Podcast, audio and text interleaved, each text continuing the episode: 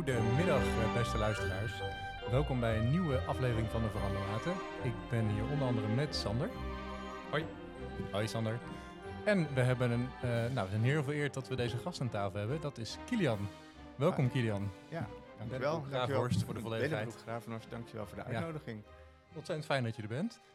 Uh, Kilian, je bent uh, organisatieonder, uh, organisatieadviseur, veranderkundige, onderzoeker, docent. Um, je hebt een heel mooi boek geschreven, wat wij veel gebruiken.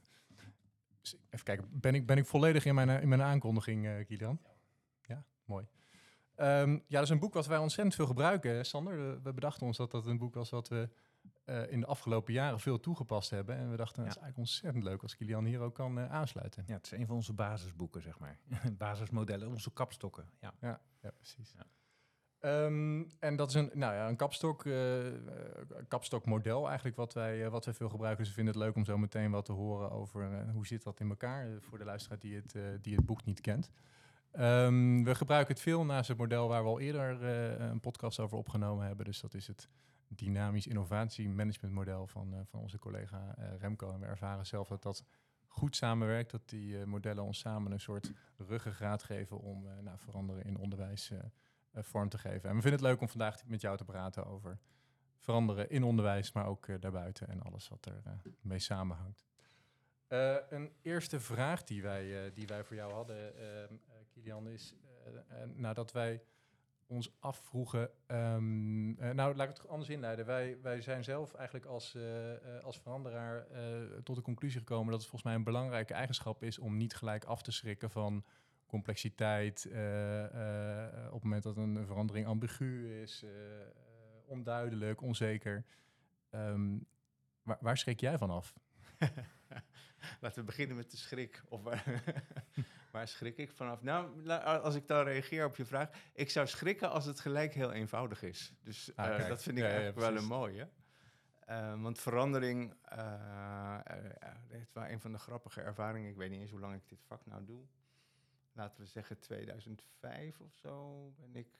Nee, maar toen was ik wanneer ben ik begonnen? Ik weet het eigenlijk niet meer. 95 ben ik begonnen met mijn promotie. Dat zou wel de start zijn van, dit, van, van ook uh, uh, uh, mijn, eh, mijn, mijn bekering tot veranderkundige. en um, zou zeggen, als het echt als het te eenvoudig is, dan, dan hebben we er of al heel lang aan gewerkt, ja. of er is iets niet in orde.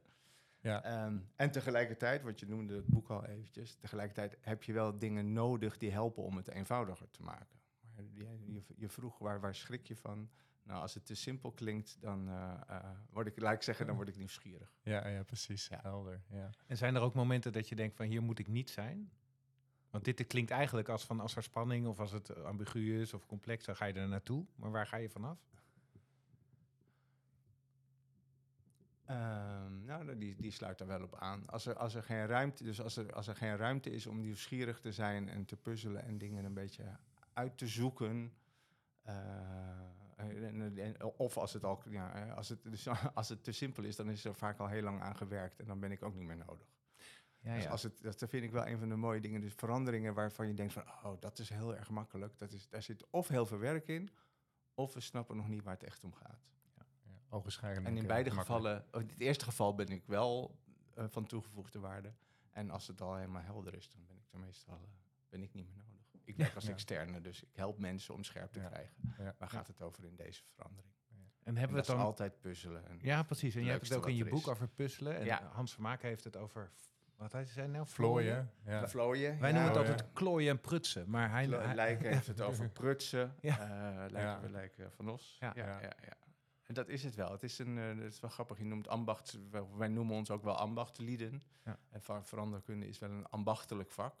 Ja, want dat dus vroeg me af. Hoe langer je het doet, hoe moeilijker het wordt in plaats nou, van hoe makkelijker. Ja, ja, precies. ja, precies. Maar is het dan een ambacht of is het meer een, een, een kunst? Dat is. Uh, kun, ja, kunde zou ik zeggen. Kunst, dat is weer iets te artistiek. Want het heeft ook wel echt. Het heeft wel.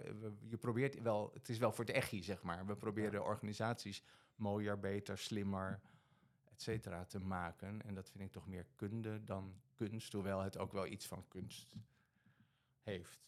Uiteindelijk is het allemaal poëzie.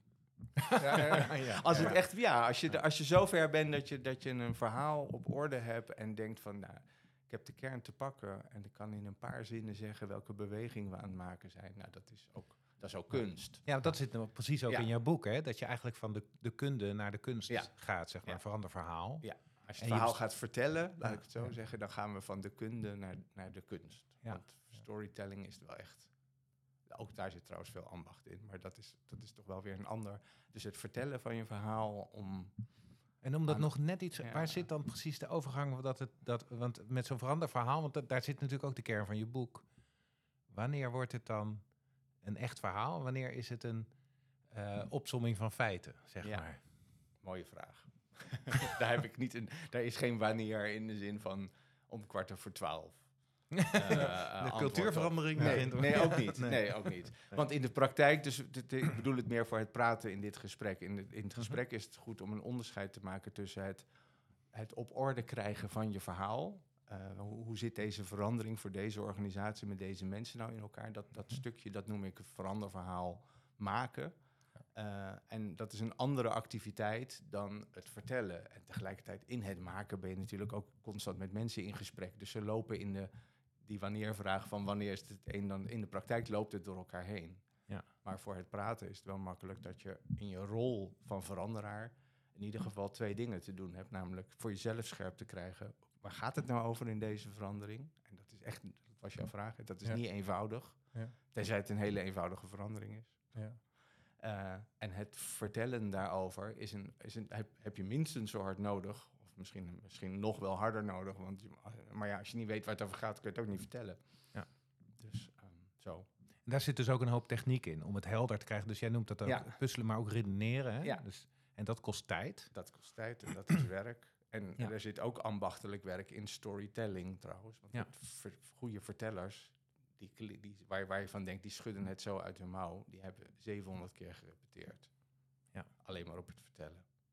Of doen dat hun hele leven zo. Ja, doen hele leven. Maar we gaan het vooral over storymaking hebben vandaag, zou ik zeggen. Ja, ja, ja, precies. Uh, want daar zit veel van het ambacht van de, het veranderkundige vakwerk, laten we, dat was een vraag, zit, zit daarin. Ja. En daar heeft het verandervak ook veel input voor om scherp te krijgen, waar gaat het nou over in dit verhaal? Even plat gezegd, als het nergens over gaat, dan heb je ook een lulverhaal, kun je misschien wel heel erg lekker vertellen, maar we hebben het wel over echte organisaties waar iets moet gebeuren. Ja. En ik heb het boek hier voor me liggen, de veranderversneller heet het. Ja. En uh, op de kaf staat een, um, een, een, wegwijzer met daarop uh, de woorden waartoe, waarom, wat, hoe en wie. Zou je eens voor um, de luisteraar die het boek niet kent uh, kunnen uitleggen wat de, wat de werkende principes zijn van, jou, van jouw model? Van, van model, het, ja. Ja, ja, ja. het staat, het staat in, de, in, de, in de vorm van een wegwijzer. Dus misschien wel, of een, uh, zo'n zo'n routebord, AWB-bord zou je het ook uh, kunnen noemen. Die staan dan op paddenstoelen of zo'n paaltje wat op de hei staat met ja. enzovoort. En het is, een, model is voor mij, dat geldt net zo goed, mag ik ook denk ik over Remco's model zeggen. Dat zijn hulpmiddelen, het is nooit een doel op zich. Nee. Um, we zeiden net al, verandering is ingewikkeld. Uh, dan is het handig om een eenvoudig model te hebben, wat je, ja, jullie zeiden net al, in heel veel veranderingen kunt gebruiken om scherp te krijgen wegwijzer. Waar ben ik naartoe op weg in deze verandering? En eigenlijk gaat, gaat het model, of die vijf, het zijn vijf vragen waar je in elke verandering een antwoord op moet zoeken. Of moet, nou ja, van mij moet dat, maar dat hoeft van niemand. Het helpt om in elke verandering uh, uh, antwoord te zoeken op die vraag van waar, van waar vertrek ik? Waar naartoe ben ik op weg? Wat ga ik dan doen ondertussen? Wat, waar ga ik aan sleutelen in de organisatie om die verandering scherp te krijgen? Hoe ziet die route eruit om van het heden naar die gewenste toekomst te komen? En met wie uh, ben ik op reis? En die vijf eenvoudige vragen, die kan je zo, daar heb je het boek niet voor nodig, die kan je zo uit je hoofd onthouden. En het boek vertelt je dan hoe je werkend met die vragen voor een specifieke verandering ook antwoorden kunt vinden. Ja, ja helder. En, en wat, wat volgens mij heel erg belangrijk is uh, in jouw boek, is ook is de samenhang eigenlijk hè, tussen, die, tussen die elementen en in dat verhaal. Um, je haalt wel een aantal andere uh, modellen aan en, en, en, adviseurs die bijvoorbeeld heel erg specifiek inzoomen op één element. Hè. Bijvoorbeeld uh, Hart die zegt van nou, het gaat om het werken naar de bedoeling. Ja. Sinek die de why centraal zet. Maar jij, jij zet niet één element centraal. Het gaat bij jou juist om die samenhang. Ja, ik hou van samenhang. Ja. ik zal ook vertellen waarom. Um, uh, nog eventjes, wat de, de, de, in de metafoor, ik heb niet voor niks ook die, um, die wegwijzer geko gekozen. Het, het is, ik, hou, ik hou erg van reizen, ook als ik niet aan het werk ben, maar in het, in het werk, in organisaties, die ik verander ook als een soort, als een soort reis. Een reis van op weg naar een nog niet bekende toekomst. En wat heb je dan nodig om daar te komen? nou, je noemde al wat andere auteurs achter elk van die vragen zit weer een half of een heel vakgebied. Dus je hebt ook, hè, dus de, de, ene auteur die zegt, ja, ik ben vooral bezig met die bedoelingen en de toekomst. Nou, over de vragen waar zijn we naartoe weg, daar kan je flink wat boekenkasten over open doen. Ja. Net zo goed als over het diagnostische stuk, het begin van het verhaal van waarom zouden we eigenlijk moeten uh, veranderen. Je hebt ook veranderaars, ik weet niet of jullie, die hadden die, Hans Vermaak al gesproken? Of niet? Nog niet gesproken? Nee, nee, ja. wel mijn die, is, die heeft over heel veel dingen, maar die heeft ook heel veel theorie over, ho over hoe je de hoe dan doet. Ja. Hoe de, hè, en welke keuzes daarin maakt. En uh, andere collega's houden zich vooral bezig met interventies. Dat is weer een specificering van de hoe. Dus je hebt vooral, en ik, ik je vroeg over samenhang. Uiteindelijk voor een hele, om, zeg maar, voor een, om je gedachtegang compleet te maken over zo'n verandering, heb je een samenhangend antwoord nodig op alle, alle vijf die vragen. En dat is eigenlijk een tweede, ik doe als ik hem, ik hou van, zei ik al, het is een hulpmiddel, maar iets van methodiek om uh, scherp te krijgen voor je eigen verandering. Waar gaat dat over? Die doe je in de praktijk, werk je die vragen stuk voor stuk in een of andere volgorde uit probeer je te beantwoorden. En daarna moet je ze ook nog eens kijken. En als ik deze nou alle vijf bij elkaar doe, is het dan ook nog een beetje een geheel. Ja. Want dat is zeker niet vanzelfsprekend. En is het dan dus... Is het, ja, ja voorbeeldje, de voorbeeldje van we hebben aanleidingen voor verandering waar dan de bedoeling niet bij past. Dus we gaan, eh, we, hè, we, veel van die veranderingen die kennen we uit de zorg. Het moet met minder en goedkoper enzovoorts. En de bedoeling is, de zorg wordt beter slimmer en geweldig voor al onze partijen. Dat zeggen we niet meer, maar dat hebben we best een tijdje gezegd. Ja. Ja. Of veranderingen die gaan over samenwerking, maar die hebben we bedacht zonder de mensen met wie we gaan samenwerken. Hm. En dan kom je in de samenhang van je verandering, kom je, nou, als je aan het redeneren bent, dan kan je jezelf al wat scherpen om te kijken, oh, is dit, heb ik dit nou wel slim bedacht? En dat vind ik toch iets anders dan dat je later zegt, ja, ze, ze, ze willen niet wat ik niet slim heb bedacht. Ja, mooi. En dan vinden mensen het onderscheid tussen waarom en waartoe. Ik weet ook nog, toen ik voor het eerst ermee werkte, dacht ik, oh ja, wat is nou eigenlijk precies het verschil? Ja. En kan je daar iets over vertellen? Uh, nou, in de, in de reismetafoor is die het makkelijkste. Want dan gaat de waarom over het vertrekpunt en de waartoe over de bestemming. En, en de wat is de trein. En de wat is wat, wat, wat, je, wat je onderweg allemaal tegenkomt. Ja. Ehm, als je het heel flauw zou zeggen, ik hou van reizen, dus het maakt me eigenlijk niet zoveel uit of ik nou op het vertrekpunt of de bestemming ben of wat je onderweg doet. Maar in, in een verandering in een organisatie gaat de waarom over de aanleiding. Dus, en dat is echt iets anders dan waar je wil eindigen. Maar ze hebben wel met elkaar te maken. Als het goed is, is de waartoe, dus de bedoeling van die verandering, is een toegevoegde waarde ten opzichte van waar je vertrekt. Want anders dan kan je het net zo goed gewoon laten zoals het is. En volgens mij maakt de taal daar ook nog bij uit. Hè? Volgens mij, als je, als naar Sinek kijkt, die, die legt de why ook wel een beetje waartoe-achtig uit, heb ik altijd het idee. Sinek zegt why, dus in het Nederlands klinkt dat als, waarom. maar ja, hij bedoelt, dat hij bedoelt de bedoeling van de organisatie. of de betekenis of de bestemming. Waar doe je het nou eigenlijk allemaal voor? Exact. Ja. ja. ja. En, en je zei net zelf al van, nou, een, een model is natuurlijk altijd een middel en geen doel. En een model is natuurlijk ook altijd een, een, een, een, per definitie een versimpeling van de, van de werkelijkheid en de complexiteit. Um, doe jij hiermee toch een soort poging uh, om, om een, een, een soort samenhang van alles te, te, in, in zo'n proces te, te bewerkstelligen, zeg maar? Ja, dat vind ik leuk. Ik zit gelijk te denken, kom ik wel eens iets tegen wat ik niet in mijn eigen model uh, ja, kwijt kan? Uh, een leuke vraag, moet ik even over nadenken. Nou, laat ik zo zeggen, met, met deze vijf vragen, als je, als je hier uh, uh, mee werkt, kom je echt al wel een heel eind. Je komt altijd dingen tegen in een verandering die of niet in het model passen, of die je niet hebt bedacht of voorzien enzovoort. Um. En dan kom je ook gelijk bij de betekenis van modellen. Hè? Dus jij ziet modellen, ook wat je andere modellen die Het is niet zo dat als je, deze, als je dit doet, dan, dat het daarmee een succes wordt. Nee. Was het maar zo. Het is dan geen zat ik hier niet. Dan was ik, ja. nou ja, dat was maar niet zo. Dat is, dan heb je geen werk. Nee, want dan vind ik, had, ik, had ik geen vak meer. En ik vind dit, dus dat, het is een hulpmiddel en in elke verandering kan je ermee puzzelen. Maar het, het, gebruik van het model is geen garantie dat je verandering een succes wordt. Ja. Nee. Het is wel een garantie dat je scherp krijgt waar het over gaat, wat er ingewikkeld is. En dan ben je misschien ook al wel bij die vraag: oh ja, zit dat nou nog in het model of heb ik soms wat anders nodig? Ja. Uiteindelijk is verandering ook mensenwerk. En uh, je kan in je eentje met model gebruiken, maar als andere mensen in andere werelden leveren en leven en anders denken, heb je echt meer nodig dan vijf simpele vragen. Ja, precies. Dus het vat niet de complexiteit, maar het, is wel, het helpt je wel om, om uh, de complexiteit te, te benaderen, zeg maar. Wil ik heel mooi dat je voor het redeneren telkens gebruikt. Nou, heb, ik heb zelf juridische achtergrond, dus de term redeneren die... Uh, die, die, die, die, vind ik heel erg prettig. okay. ja, precies. Want, dus, want, wat, wat, nou ja, daar, daar gaat het ook constant in het recht, gaat het constant over kloppende uh, redeneringen maken. En daarvoor is het, ondanks dat een casus uh, complex is, is het noodzakelijk om Moet een sluitende logica een, Ja, een sluitende logica zijn. Ja. Om een construct van die, van die complexiteit van de, ja. van de waarheid samen te maken, waar je samen van zegt van nou, dit is het, en hier geven we een juridische klap op. Dus dat, uh, dat helpt mij heel erg in het, in het, in het, in het denken in, in veranderkundige opgaven. Dat je toch probeert een analyse te maken, met gelijk de kanttekening van nou, je weet dat het een analyse is en niet per se kloppend hoeft te zijn. Maar het helpt je wel om, om, om, uh, nou, om je redenering op orde te hebben. En daarna ook te kunnen zeggen, hey, die redenering klopt niet als je een stap verder bent. Ja. En er weer in aan te passen. Ja. Leuk. Nou, en daar, ik ben, daar ik ben geen jurist, dus ik durf niet alles te zeggen over het verschil tussen juridische redeneringen en veranderkundige.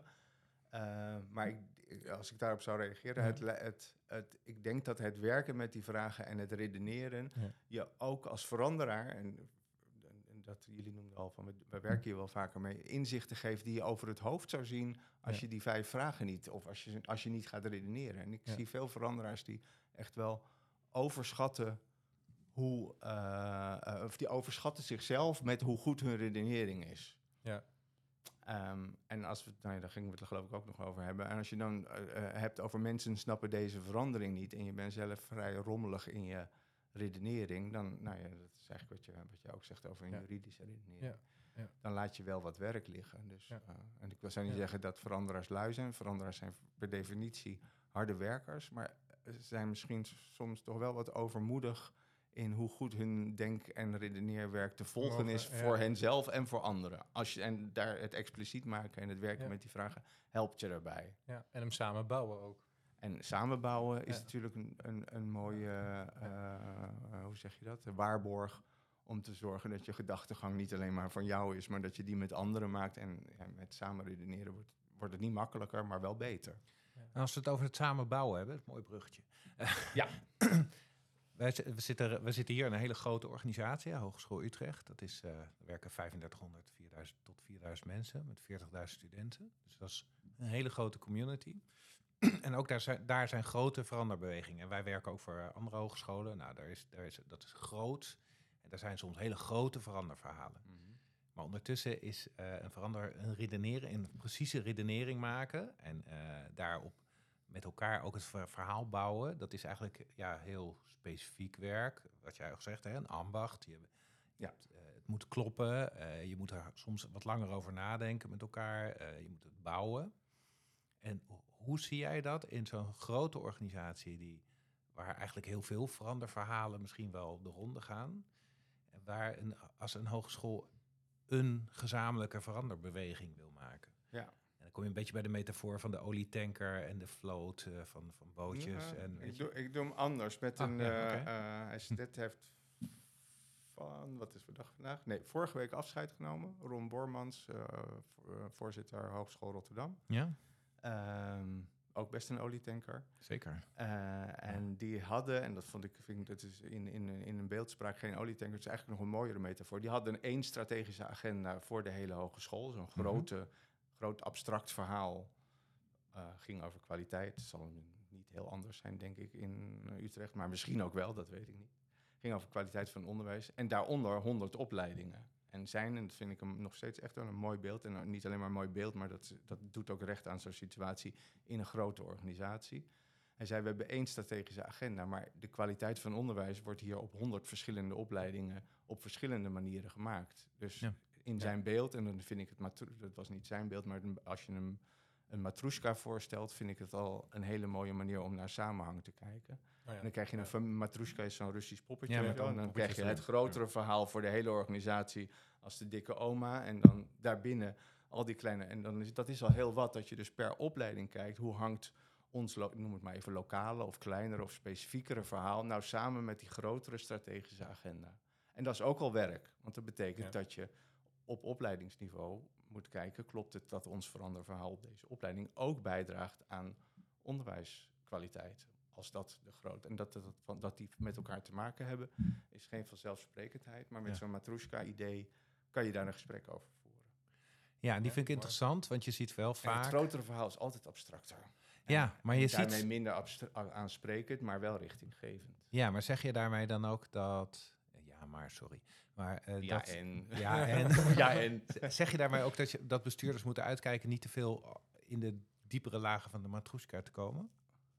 Want dat is natuurlijk wel een valkuil die, die ik in ieder geval zie, is dat bestuurders de neiging soms hebben om al te ver door te willen sturen, te in te ja. vullen. Nou, wat, ik mooi, wat ik mooi vond van, van dit voorbeeld, en daarmee dus niet echt elke organisatie en elke, zelfs binnen een organisatie, een paar jaar later is het weer nieuw, opnieuw werken. Dus het wat je in de ene ziet, werkt nooit precies op dezelfde manier ergens anders. Mhm. Wat ik mooi vind van dit voorbeeld wat ik net gaf, is dat hij zegt: ik als, als college van bestuur kunnen wij aan onze opleidingen vragen om een redenering te maken die bijdraagt aan het strategische thema. Want wij gaan over de strategie van de hogeschool.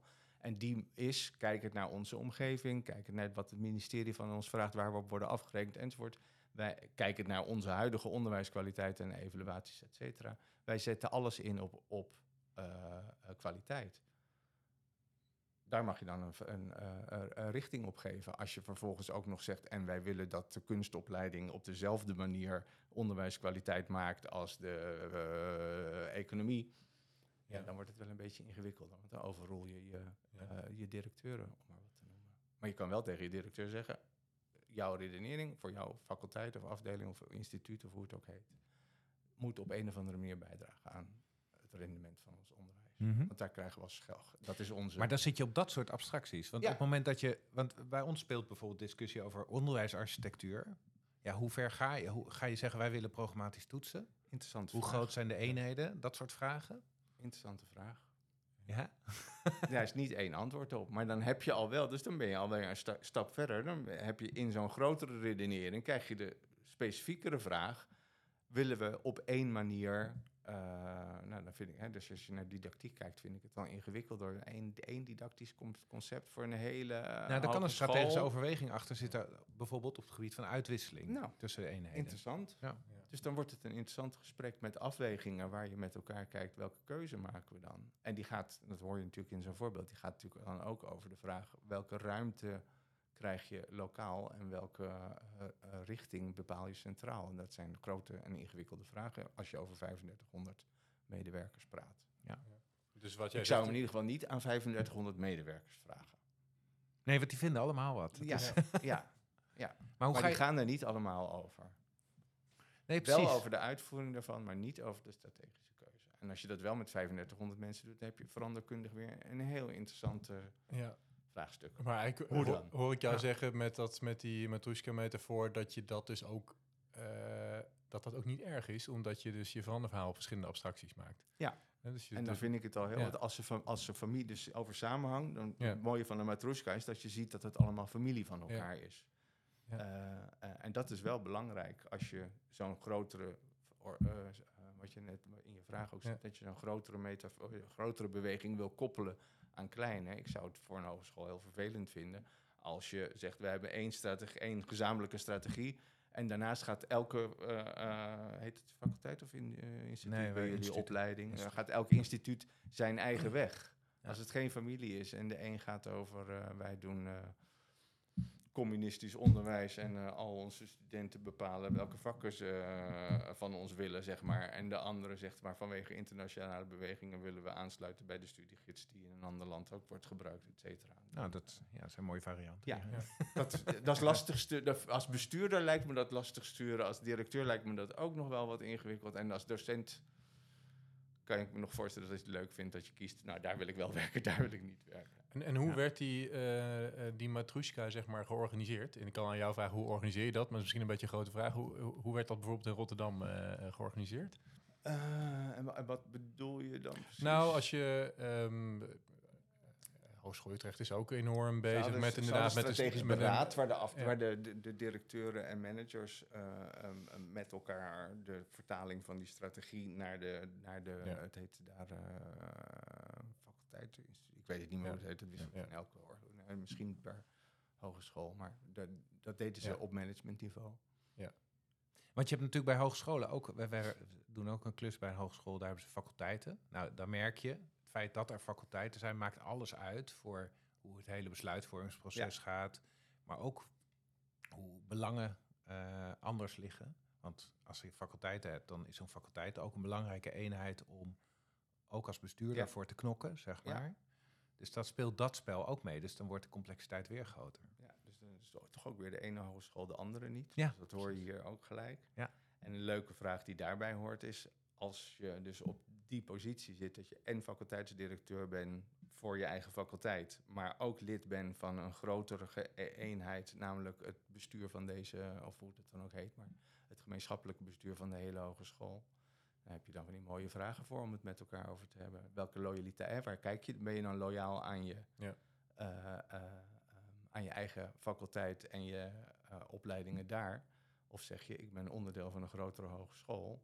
Het is niet een of-of, hè, maar je kan niet, twee, je kan niet loyaal, loyaal zijn aan twee plekken tegelijkertijd. Nee. En dan zeg jij, daar moet je gewoon, daar moet je dus ook het gesprek over kunnen Dat hoop ik, als je ja. met elkaar leiding geeft aan zo'n organisatie, dat je daar met elkaar over kan hebben. Ja. Maar daar zit natuurlijk wel vaak een vraagstuk. Daar zit een vraagstuk. En dan gaat het niet meer over die vijf vragen uit de veranderversneller, maar wel over het werken met de vraag hoe werken we hier eigenlijk samen. Ja. Maar die zijn soms wel voorwaardelijk, denk ik, voor het werken met kunnen werken ja. met die want die spelen ja. gewoon een rol. Ja. Ja, en dat, dan kom jij bij je in, in je hoofdstukken over, waar, wat ook over weerstand gaat. En over, ja, de weerstand kan op, vanuit allerlei verschillende oorzaken uh, ontstaan, zeg maar. Omdat mensen bepaalde, ja, bang zijn voor een positie, of omdat er, ze het inhoudelijk er niet mee eens zijn, of omdat het bepaalde ja. gevolgen heeft. Of, dus daar kunnen allerlei redenen zijn waarom mensen um, ja, tegenstribbelen, zeg maar. Ja. En in zo'n grote organisatie, als je daarnaar, uh, hoe, hoe zou jij dan, want, want die complexiteit is allemaal aanwezig. Ja. Wat is dan vanuit, het, vanuit de veranderversneller gedacht, wat is dan een beweging uh, die je kan maken? Om? Om toch de, uh, als, als er een gezamenlijke beweging in gang wordt gezet, hè, van we, we hebben een, een waarom en waartoe, daar zijn we mee bezig. Daar ja. is op directieniveau ben je het daar wel ongeveer over eens. Ja. Maar okay. hoe zorg je nou dat die beweging ook in de rest van de organisatie, dat daar uh, ook beweging in komt? Ja, dat is wel een hele, dat is een top-down benadering, hè? Dat snap nee, ik. Maar, maar, maar er is een maar de vraag is, dus of, ja. de vraag is of er één recept voor is. Ja. ja ik vind hem veel interessant, want je doet hem vanuit, die vraag, vanuit de vraag weerstand. Dus als ik die ja. stel dat het over weerstand zou gaan tegen van een faculteitsdirecteur, ik vul even mm -hmm. in tegen zo'n gezamenlijke beweging, dan is de eerste, dus weerstand is, vind ik ten eerste een ingewikkeld, ben ik dat of niet? Nee, het is hier. Oh, Ga maar door. Oké. Okay. um, vind ik ten eerste een, een ingewikkeld begrip, maar de, ten tweede is het meestal rationeel gedrag. Ten derde is er vaak mm -hmm. heel veel aan te begrijpen. Dus het eerste wat ik wil begrijpen in, deze, in het voorbeeld wat je geeft is... Uh, uh, wat, wat is er tot nu toe gebeurd dat in dit traject met die gezamenlijke agenda... dat ja. deze faculteitsdirecteur daar anders over denkt dan uh, andere collega's? Of is het dan andere bestuurder en hoe anders denkt en, enzovoort. Dus bij weerstand wil ik altijd weten, ja. vertel maar meer. Er is altijd heel veel vraag van wat, wat zit daarachter. Ja, ja, ja, dat is bij uitstek een begrip om te gaan onderzoeken en niet te gaan oplossen. Okay. Laat staan tegenstribbelen. Want als je gaat tegenstribbelen tegen tegenstribbelen, dan wordt het nog erger. Ja, mooi. En dan komen we ook gelijk bij vertragen. Want er zit ook heel vaak een, versnel, een, een actiegerichte beweging in. En dan zeg jij in je boek ook van, nou, vaak wil je je op dat soort momenten juist vertragen. Ja. Maar dat wordt dan heel vaak ook als irritant of lastig. Of, uh... Ja, dan is het een voordeel. Dan is het soms een voordeel om extern te zijn. Want dan mag je irritanter zijn dan wanneer je uh, uh, zelfleiding geeft aan een verandering of ergens vastwerkt. Mm het boek heet De Veranderversneller. Dus het is een heel leuk en paradoxaal. Ja, ja, ja precies. De Verandervertrager was minstens zo'n leuke titel. marketingtechnisch minder goed. Ik denk dat, precies. Maar er zit de, de, de, van Ardon, ik vind het versnellen. Ja, ja, ja, ja de, die gebruikt het begrip vertragen ook. Um, het mooie van, van het... Kijk, veranderaars... Een van de kenmerken van veranderaars is dat ze die, is die voorwaartse beweging. Die willen snel, of die willen niet per se snel, maar die willen richting die toekomst. En liever snel dan langzaam. Uh, en dat is maar goed ook, want die energie heb je nodig, anders dan zou je überhaupt niet in beweging komen. Uh, maar het werken met die vragen en het begrijpen van bijvoorbeeld weerstand, maar ook het scherp krijgen van een aanleiding, of waar willen we, of het samen maken van een verandering. Eigenlijk al het werk in een verandering is vertragend werk. Ja, als je het in je eentje, ja. zoals een mooi, stom, mooi en stomme, in je eentje, eentje gaat het allemaal sneller en makkelijker, maar samen wordt het wel beter. Het wordt ook wel wat langzamer en vaak ook ingewikkelder. Dus op het moment dat je ingewikkeldheden tegenkomt in verandering, bijvoorbeeld iemand die niet wil, uh, ja, dan is onze neiging uh, uh, om te denken, oh dat is lastig en gaan we duwen of we gaan er even omheen enzovoort. En gek genoeg is het, hebben veel veranderaars niet van nature de neiging om dan eens te gaan uitzoeken, wat is hier nou eigenlijk aan de hand? Ja. En hoe ga je dan... En, en dat, dus dat oplossen of er omheen of weg willen, dat, dat, is aan de ene kant begrijpelijk. Vervolgens zorgt het voor de vertraging die je niet wil. Ik wil dan juist denken van, oh ja, kunnen we niet wat meer gaan kijken, wat is hier nou eigenlijk aan de hand? Want als je gaat onderzoeken wat er aan de hand is. En je noemt het geen weerstand, maar een begrijpelijke reactie. En je wil dat ook echt weten. Kom je meestal en meer te weten. En het helpt vervolgens ook vaak om wel weer verder te kunnen bewegen op weg naar uh, waar je maar heen wil. En waar we dan zelf wel tegenaan lopen, is dat je geconfronteerd wordt met zaken als uh, uh, begrotingen. dus die, die opeens een enorme druk leggen op processen, waardoor uh, vertragen niet aan de orde lijkt. Hè? Dus dat De begroting als veranderversneller. Ja, ja, ja, precies. Ja. Ja, En nu is het moment. En nu is het, precies. Dus, en, dus dat zijn dan een soort van, van ja, voldongen feiten waar je dan zogenaamd niks meer mee kan. Hoe, hoe, hoe organiseer je in dat soort situaties, en zeker in die, in die, in die onderwijscycli, waar het constant ieder jaar terugkomt, hoe, hoe, hoe, organiseer je daar die, hoe zou jij daar die vertraging in organiseren?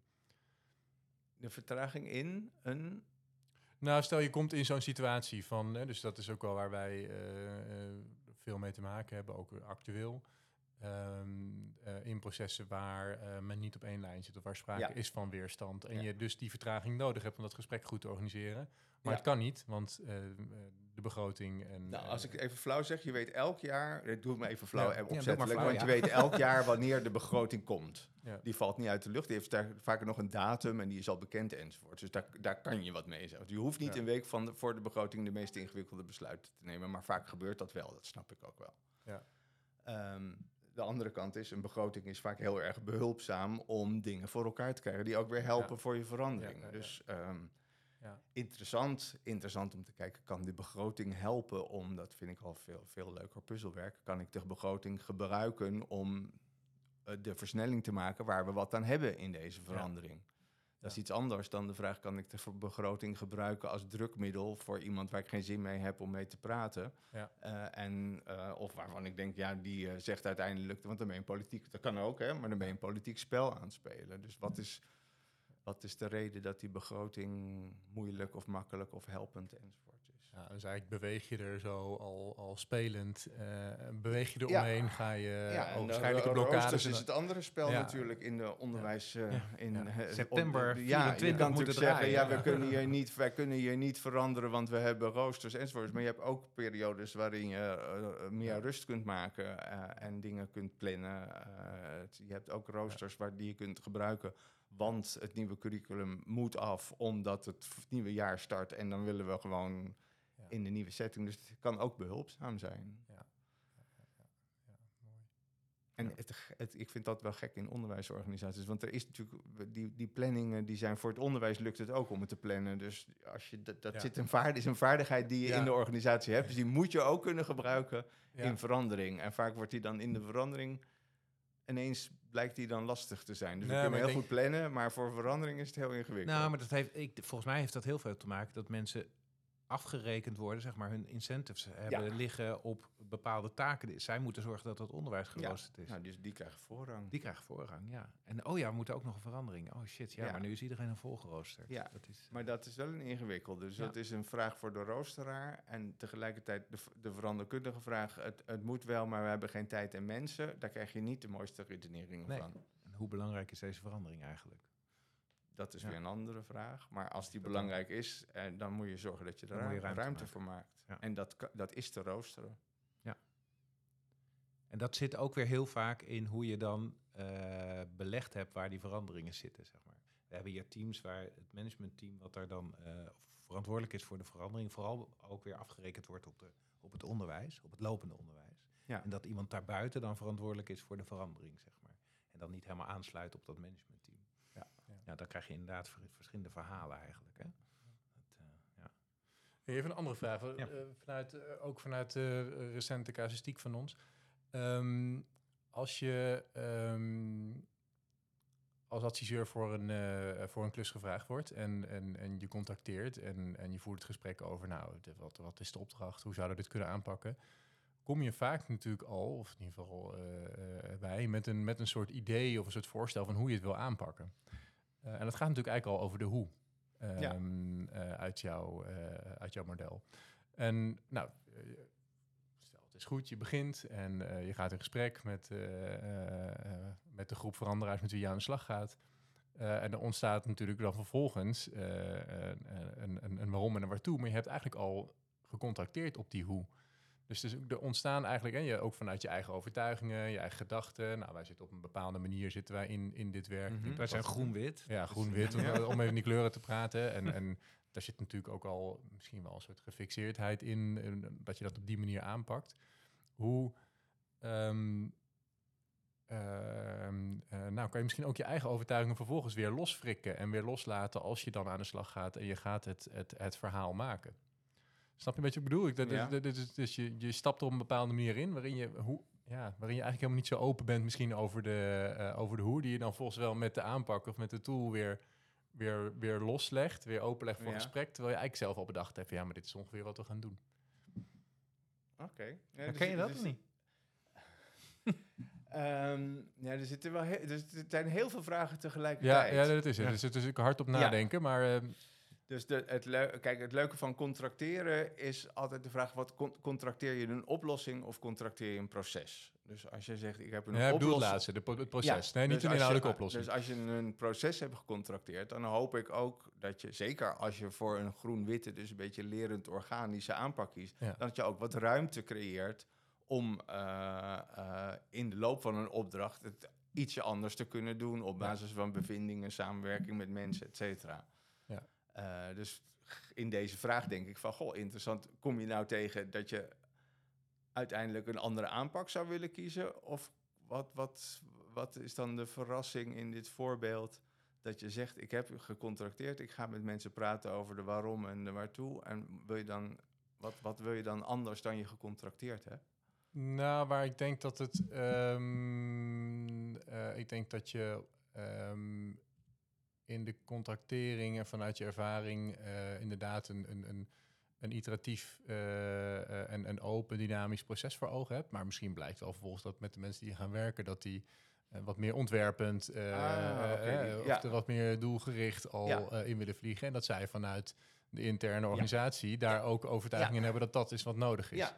Um, hè, hoe zorg je dan dat je... dat, dat, je mooie, dat is een mooie gewetensvraag. Ja, ja. dat is mooi. En wie is dan de je in deze vraag? Ben jij de je of ben ik de je?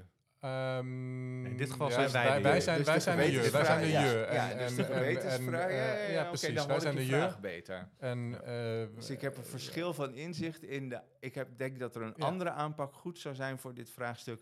dan de mensen met wie ik werk om deze vraag ja, op dat te gebeurt wel vaker. Dat gebeurt vaker, ja. Omdat wij toch vanuit een bepaalde insteek erin stappen vaak. En het is lastig om te schakelen. Of soms denk je van, ja, ik snap best dat jullie daar op zo'n manier in zitten, maar volgens mij werkt dit beter. Ja. Nou, dan ga ik hem ingewikkelder maken, want dan is de eerste vraag, wat heb je gecontracteerd? Ja hierover. Altijd, om dat beter te krijgen. En de, en de tweede vraag, en die vind ik nog veel leuker, is van wie is deze verandering? Ja. ja. Want als je zegt, ik ben hier als passant, ik praat even vanuit mijn mhm. eigen rol, ik ben hier als passant en ik kom helpen met een opdracht. Maar als jullie met je kennis van deze organisatie en zeggen dat jullie dit ook gaan doen, denken het moet anders dan ik voorstel, dan moet, moet of ik weg of ik moet mijn aanpak aanpassen als ik ben gecontracteerd op mijn expertise over deze aanpak, omdat die om een of andere reden gewenst is, dan is het een andere vraag. Ja, en dan zou je de spanning wel opzoeken. Ja, met precies. Degene die zegt: dit werkt hier niet. Ja, dan zou je daar wat nou niet zozeer volhardender in zijn, maar dan is het inderdaad, zoals je het zegt, de spanning meer opzoeken en het gesprek erover aangaan. Ja. Ja, dus dan, dat is dan al gelijk een, mooie gewetensvraag voor ons. Waar, waar, waar, zitten we meer in dat spectrum? Ja. Ja, nou, ik vind het, het, begrip in dat verband, ik, tegen, ik weet tegenwoordig, in het, de vakterm hebben we het dan over veranderstrategie, maar ik vind het eigenlijk geen mooi woord. En ik vind verander geloof of verander filosofie vind ik eigenlijk veel mooier, want het is eigenlijk is het een geloofskwestie. En ik ben niet gelovig, dus dan weet ik dat dat woord soms wat lading heeft. Misschien moet je het verander filosofie hebben, maar als je echt van een andere school bent, laat ik het zomaar, dat past hier in deze dit gebouw, als je van een andere school bent en je hebt echt een fundamenteel andere opvatting uh, um, uh, over nou, hetzelfde. Je kan met didactiek hetzelfde doen. Hè? Je stelt, de ene gelooft in een didactiek uh, met heel veel ruimte en inbreng voor, voor medewerkers. En de andere gelooft in didactiek met een boek en de oplossing en zo staat het en, enzovoort. Ja, dat, dat is bijna niet te verenigen. Nou, ik denk wat, wat, wat dus heb je het over gewetensvragen. Pas ik hier of ga ik, ga ik een, andere, een ander geloof of een andere filosofie aanhangen? En van, vanuit welke beweegredenen? En uiteindelijk, vanuit mijn vak, ben ik uiteindelijk trouw aan wat is er goed voor de organisatie en wat is er in deze opdracht of in deze verandering nodig. Maar je komt er natuurlijk ook jezelf tegen. Want ik, heb, ik, kan ook niet, ik kan ook niet alles. En ik heb ook mijn eigen overtuigingen in over hoe verandering werkt. Dus soms ben ik ook gewoon niet degene die ergens... Dus in een hele gepolitiseerde opdracht... moet ik na een tijdje gewoon vertrekken. Nou, ik denk waar, waar dit in, deze specifieke gevallen hoor. Het zijn meerdere, meerdere gevallen waar dit, waar dit zo vaak gebeurt. Ik denk dat dat de onzekerheid vaak bij mijzelf ontstaat juist in het verdragen. Hè. Dus ook in, in die contracteringsfase is in onderwijs, spreekt zo'n iteratief proces, spreekt ontzettend aan. En zeggen, hey, we, gaan, we gaan dit samen doen, uh, we gaan samen eh, stap voor stap. Dus dat in eerste fases gaat dat vaak ook wel heel erg goed en vind je elkaar ook wel in taal. Uh, maar naarmate je een eindje op, op weg bent en, en je nog een aantal slagen voorstelt om uh, meer betekenis te geven aan een concept, aan een waarom en een waartoe, dat meer, dat eigenaarschap wat meer te creëren, ontstaat ook wel soms een soort ongeduld. Ja. Hè, van, ga, gaan we het nou weer over visie hebben? Gaan we het weer over um, dat, dat soort feedback? We moeten nu aan de slag. Hè? We, ja. dit, dit, nu, zo van het, het praten wat we doen is, is niet aan de slag. Dus we moeten nu, nu, nu hebben we lang genoeg gepraat. Nu gaan we aan het werk. Nu gaan we, nu gaan we stappen zetten. En dat heeft bij mij het effect van, hé, hey, wat, wat um, uh, vertraag ik te veel? Vertraag ik te lang? Uh, is het nu het moment om... Um, daar zou ik meer dus, over willen weten, maar die, die, dat gesprek over de, dus over succes, als we hadden het al een beetje over succesfactoren. Als je, als je het geloof over de hoe met elkaar deelt, of je veranderfilosofie mm -hmm, deelt met de mensen aan wie je aan verandering werkt, is dat een van de belangrijkste succesfactoren om er wat van te maken. Ja.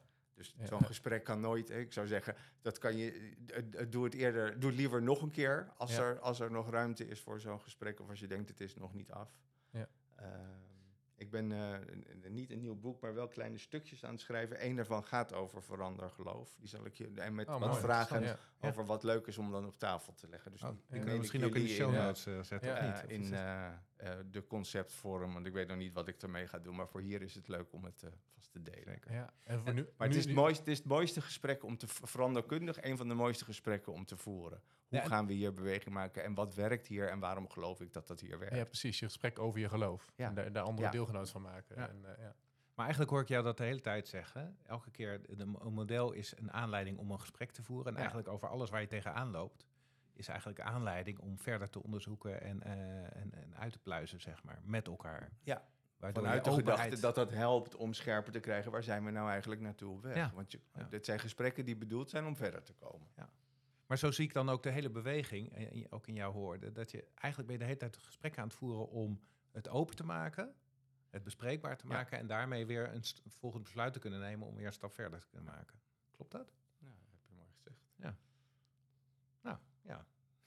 Dat sluit ook wel een beetje aan bij, bij het verhaal van Shirin en bij Ina, waar we wat eerder hebben gehad en over ja, dat, dat het eigenlijk heel vaak gaat over het op tafel leggen van datgene wat er echt, waar het echt over gaat. Ja, precies. Die, en dat eh, doe je met de mensen met wie, eh, met wie je aan het verhaal werkt. En als je dat dan helemaal mooi uitgepluist hebt, dan heeft dat een heel simpele, vertelbare versie voor andere mensen die, meenemen, die je mee wil nemen in zo'n beweging. Want je maakt niet met iedereen dat verhaal in al dit soort uitpluizen gesprekken. We gaan naar een afronding toe verder. Ja, we zijn al drie keer bezig. Zeker. Gaat het zo snel? Ja, ja. bizar hè? En uh, voor jou nog een persoonlijk...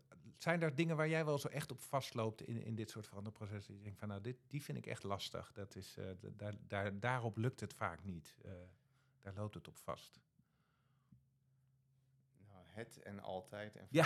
vind ik moeilijk. Maar ik, ik, ik doe even een, een, een mooie...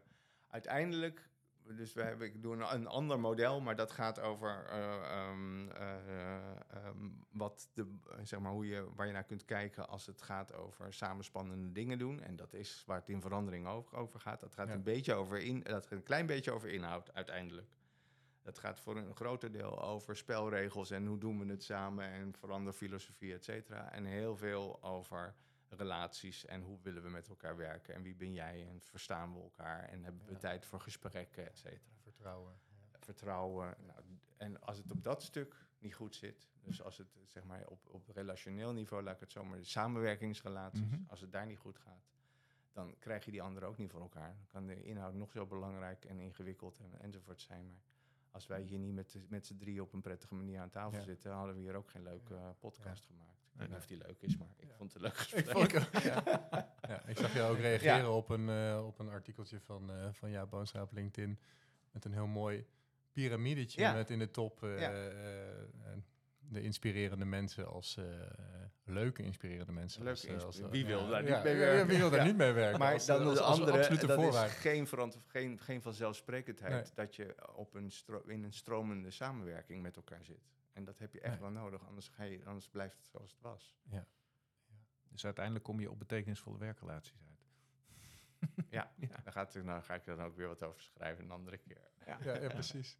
Ja, super. Maar als die er niet zijn, want dat was je vraag, als die er niet zijn, dan moet je ook de energie niet in al die. Dan, dan moet je je energie steken in het maken of het op orde krijgen van dat soort relaties. Ja. En dat gaat soms ook over inhoud enzovoort, maar niet over grote ingewikkelde veranderingen. Want dat, is, dat vehikel is dan te zwaar om zeg maar, een relatie op te bouwen.